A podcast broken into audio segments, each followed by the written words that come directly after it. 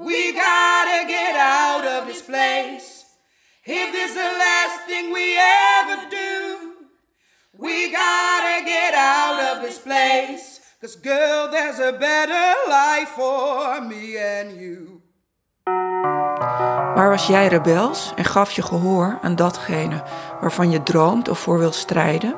Deze vraag stelden we een diverse groep Haarlemse vrouwen in ons social lab tussen droom en daad.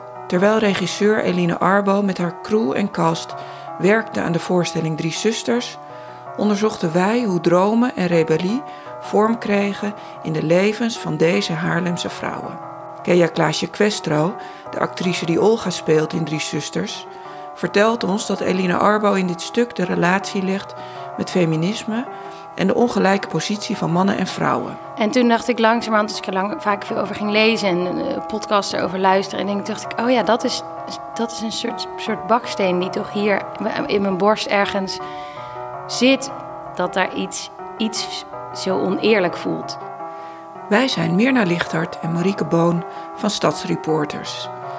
Samen met Kea Klaasje Questro en Jessie Lerminé, regieassistent bij Drie Zusters, voerden we gesprekken met elf van de deelnemende vrouwen.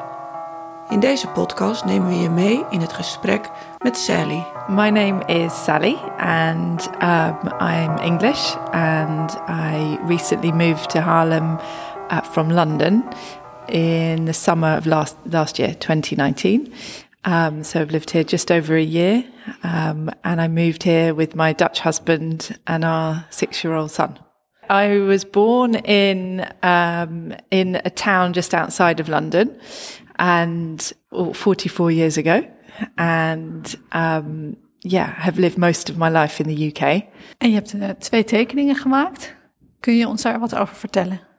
I'll start with the first one, and um, when we arrived, we were encouraged to just paint, and I painted a swirl that then became a road um, to to to illustrate a journey that I've been on in my work life. So um, I grew up in a very um, what we would say in English a very middle class white area, and I feel like I then woke up to the world around me when I turned 18 and went to university and met different people. And I find it amazing that you can have so long being surrounded by similar people and that that just just means you don't question anything. And then suddenly you realize there's a bit more out there and you start to question everything. Um, and i've continued to question everything but i've learned more along the way from doing different jobs um, in what i would call the charity sector so the social sector um, and have met lots of different people from different communities, people um, who have had very different childhoods and upbringings to me.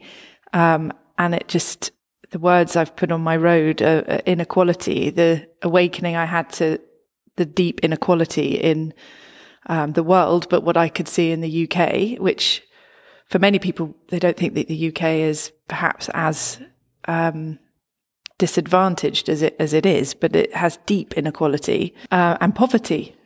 And the work, the projects that I've worked on for 20 years have always been um, to try and give young people a better chance. Um, so either really young people, so maybe 13, 14, 15 year olds that you can see then that their chances will be less. And what can you do with them when they're that young?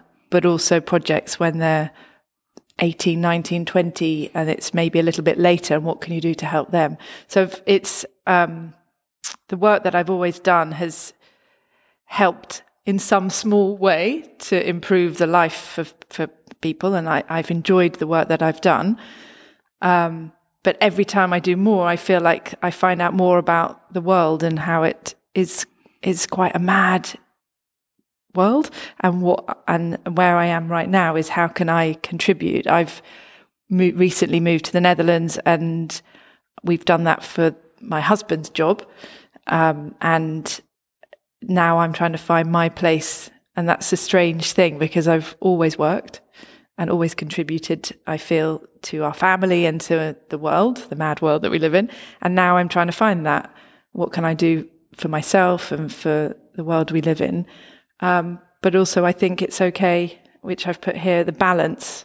These are weighing scales to say it's okay also to have a good time. We can't um, beat ourselves up that the world is crazy and we, you know, we can also live a bit and contribute and have a good time with our family and friends. But um, at the moment, I feel like I'm doing more of that and I want to do, I need to contribute somewhere. And that would bring me a lot of satisfaction and, and would help feel that I'm doing something in the world. So that was my first picture. Ja, dus wat we zien is dat je heel mooi die weegschaal hebt getekend. Hè? Dus om, om die balans te zoeken. Uh, ene kant bijdragen aan uh, vraagstukken die je ziet in de wereld. En aan de andere kant, hoe kun je zelf ook een leuk, fijn, mooi leven hebben? Yeah. Zeg ik dat goed? And that it's okay if you want to spend time with your children. We have children and we, I think everybody has choices. Um, some more than others financially, but you, can, you, you I can go and work full time. Um, but at the moment, I would like to be around a bit. But um, you have to find peace with that, I think, and and also look at your financial situation and see if you can work part time. Let's say. Um, so first, once you find that peace and that ability to do that, then I think you have to find the opportunity to what can you do in that the rest of the time that you have. But I think um, we have choices. Some people want to go back and work full time, if even if they have a family, that's fine. I would rather at the moment find a balance of both, and I feel at peace with that. And now it's finding opportunity. En waar in dit verhaal um, was jij een rebel? I think the the the most obvious bit was at the very beginning. Well, after the early years, I wrote early years, and then I, I woke up and I think that I was rebelling against my family. So, not fully, but certainly in, I can remember asking, I wrote, put question marks there. I remember coming back from the first term at university and having lots of questions, uh, particularly to my father, who used to drive me back and forth. And, and I couldn't, I didn't understand. I went to a, in the UK, we have private schools. So I went to a private school and then I met people from public school, from state schools. And I said, I don't understand. Why did I go to, why did you pay for my education? And I just remember having all these questions that felt like I was rebelling again in a very minor way against my upbringing. Um, and I remember the first time I could vote in an election and I voted totally against what my, and I wouldn't always have from quite young, but that felt like, yeah, it felt like the, a rebellion in uh, yeah from my family. Not you know it's not like i was thrown out of the family but it certainly felt like this is out of the family mold. Um, and i've had other small rebellions along the way but i think that's the one i think to to come away and i think to come away from what your culture your family culture is is can be a rebellion. And i've seen that in other in jobs that i've done when we work with young people who who have always been in a family with unemployment or with crime, and then you're trying to get them to do something different. I think it's similar, but the total reverse that you're saying, come away from everything that you know, do a different path, take a different path. For actually, even though we might know that's the right path to not to work and to not do crime, for them that's everything that they know. And so then I feel that similarity of starting to question all that you know. Maar uh, Sally, ik, wat ik hoor is dat, je, dat jij met een heel erg open blik uh, kon kijken. De, waar haalde je dat vandaan? Yeah, I, I wonder. Um, and I think that there's some that comes from your family. It must do, even though I lived in a very, um, quite a, yeah, it was a, a safe, we I keep going back to this sort of very local middle class upbringing. I think that uh, I, ha- I, I recently think this because my father died about seven years ago. That he worked in a he worked in a market with marketeers. He was in a food market and he worked with people of all different backgrounds. But he also went and played golf at the golf club. So I think, and he spoke languages and I wanted to speak languages. So I think somewhere in it, I've realized that maybe he opened my, he just without realizing it, instilled in me a, a, a more open mind. But, um, the other thing is, I think if you go, when you go to university and you meet people from different backgrounds, then you, so you have the nature from my father, maybe just inbuilt in me. But then I think you have experiences and then you have, you have injections of experiences. So the university for me, I just simply met people from different backgrounds and then, and questioned more. So, um, yeah. And then when you start working in it, you question more and more and more and more because it's it's in your face and you think this doesn't seem this is strange. En daar gaat het stuk natuurlijk ook over, hè? En de, Keja speelt Olga, de zuster Olga in het stuk, de oudste Ik denk dat, dat Olga dit, deze weg die je hebt getekend wel zou, ja, ergens wel zou willen, maar eigenlijk ook niet eens weet hoe ze het zou moeten willen. Dat al niet eigenlijk. Uh, dus ze heeft een soort hele verdrietige hoop. Dat is nu mijn idee. We hebben pas uh, twee weken gerepeteerd. Maar ze hebben het ook veel, de andere zussen ook, en in het hele stuk, alle personages, over ongelijkheid. En uh, daar gaat het stuk ook best over. We bewerken het dan een beetje, maar in de basis gaat het daar ook over. Dus, en ze willen allemaal heel graag dat dat verandert, maar zij zijn eigenlijk niet in beweging zoals deze weg wel in beweging is. Of zoals jij je leven beschrijft, dat dat heel Mm. veel beweging had. Wil je ook nog iets vertellen over je andere tekening, Sally? Yeah. The un, in in some ways I feel more comfortable about the other one because it's definitely it's a smaller story which sometimes makes it easier to explain. it's equally not the most beautiful drawing. Can you can you explain what we see on the yeah. drawing? It's a it was a it's a globe but a deconstructed globe. um and I just it's such a nice feeling with the water paints to just swirl with your paintbrush. So I did some sun around the outside and the blue of the sea and the green of the land. And um, there is um, an aeroplane going from one side of the world to the other.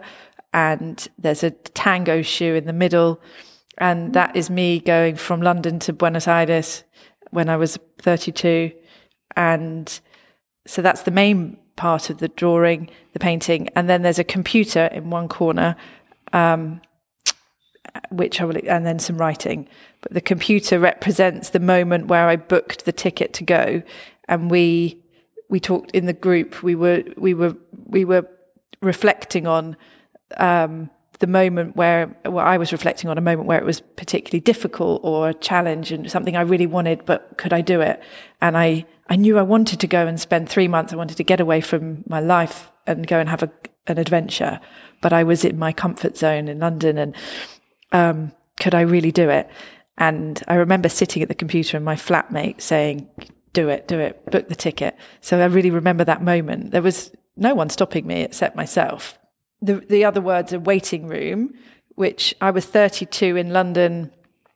I had I was in my 20s.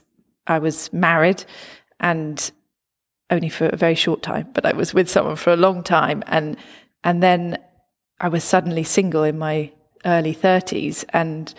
Uh, everybody are, and I, everybody asks you. So, have you met anybody? When are you going to settle down again and have children? And I really remember a feeling of you're sitting in a waiting room, waiting for the that feeling of you're, you're waiting in a waiting room, and that people think that your life isn't going to start until you've met someone and, and you've got children. And I wanted to get away from that. And we talked in the group, why would that, what would be different for a man in this situation? And I feel a man doesn't feel at 32 they're sitting in a waiting room, but I really did.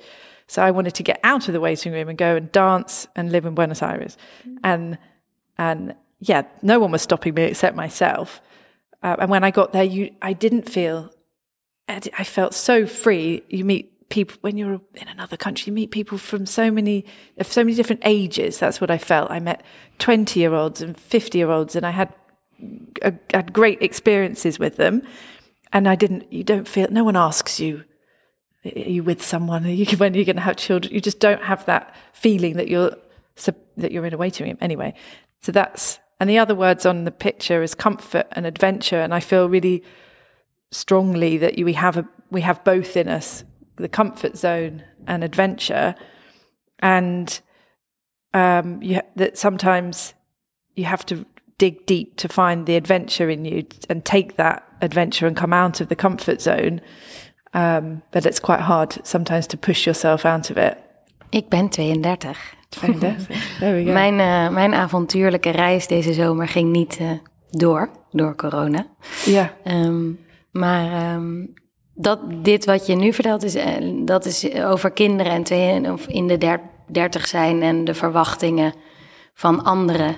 Dat je moet voldoen aan een relatie hebben en een kind. Dat zit helemaal in de drie zussen. Die, de, de ene zus is getrouwd, maar kinderloos. Twee andere zussen zijn ongetrouwd. En die voelen de hele tijd de hete adem van de, ja, van de norm in hun nek hijgen. En uh, ik zelf heb als 32-jarige ook wel. Ik krijg al, al, ja, ik krijg al erg lang de vraag: wanneer ga je samenwonen? Of uh, wil je kinderen? Hoeveel kinderen? Wanneer wil je? Uh, terwijl ik zelf die klok helemaal niet voel. Maar mannen hebben dat inderdaad niet. Die, uh, Interesting. die krijgen die vragen nooit. Ja. Ja. Ja. Hoe heb jij het ervaren om, om aan dit project mee te doen, uh, Sally?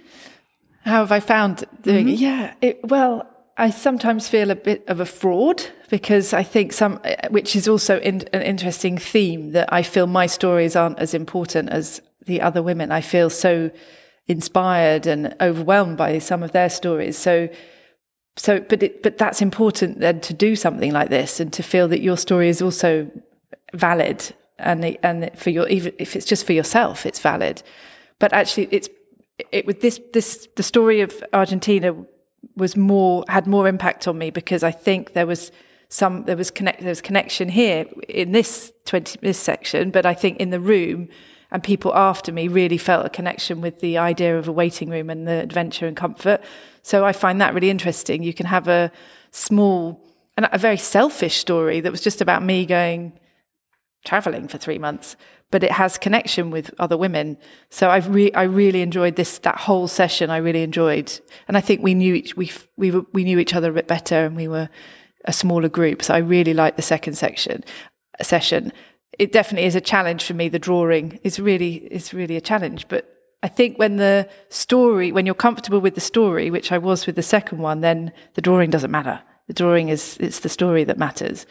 Um, it's been brilliant to meet the other women. I mean, I've had coffees with some of them. Uh, it's lovely. There's some really inspiring women with big stories and big, big lives. Um, but, uh, but and uh, I think I kind of finish on it's the it's the thing that you feel. This could be a female thing. You feel that your story isn't that important or valid, or it's selfish. It's not um, as important as other people's stories, but sometimes it's okay to just sit with that and still experience it. Yeah. And, and still tell it. Yeah. Ja. Yeah. ja. Dit was een van de podcasts die voort is gekomen uit ons social lab tussen droom en daad. Dit lab kwam mede tot stand dankzij Jun Kwan Lo van de toneelschuur en in samenwerking met Eva Duurlacher. Het werd mogelijk gemaakt door het Bankgiro Loterijfonds en de BNG Langleven Kunstprijs. Onze dank gaat uit naar de vrouwen die meededen aan ons lab, die met zoveel moed en openheid hun verhalen met elkaar en met jullie gedeeld hebben. Graag verwijzen we naar de website van Toneelschuurproducties, backslash social lab streep tussen droom en daad. Daar zijn de gehele verhalen van de vrouwen te beluisteren en hun portret en tekeningen te zien. Ook nodigen we je graag uit de toneelschuur te bezoeken. Tijdens de speelperiode van Drie Zusters worden de tekeningen van deze vrouwen tentoongesteld. Wij zijn Mirna Lichthart en Marieke Boon van Stadsreporters. Als je meer van ons wil zien of horen, bezoek dan onze website www.stadsreporters.nl.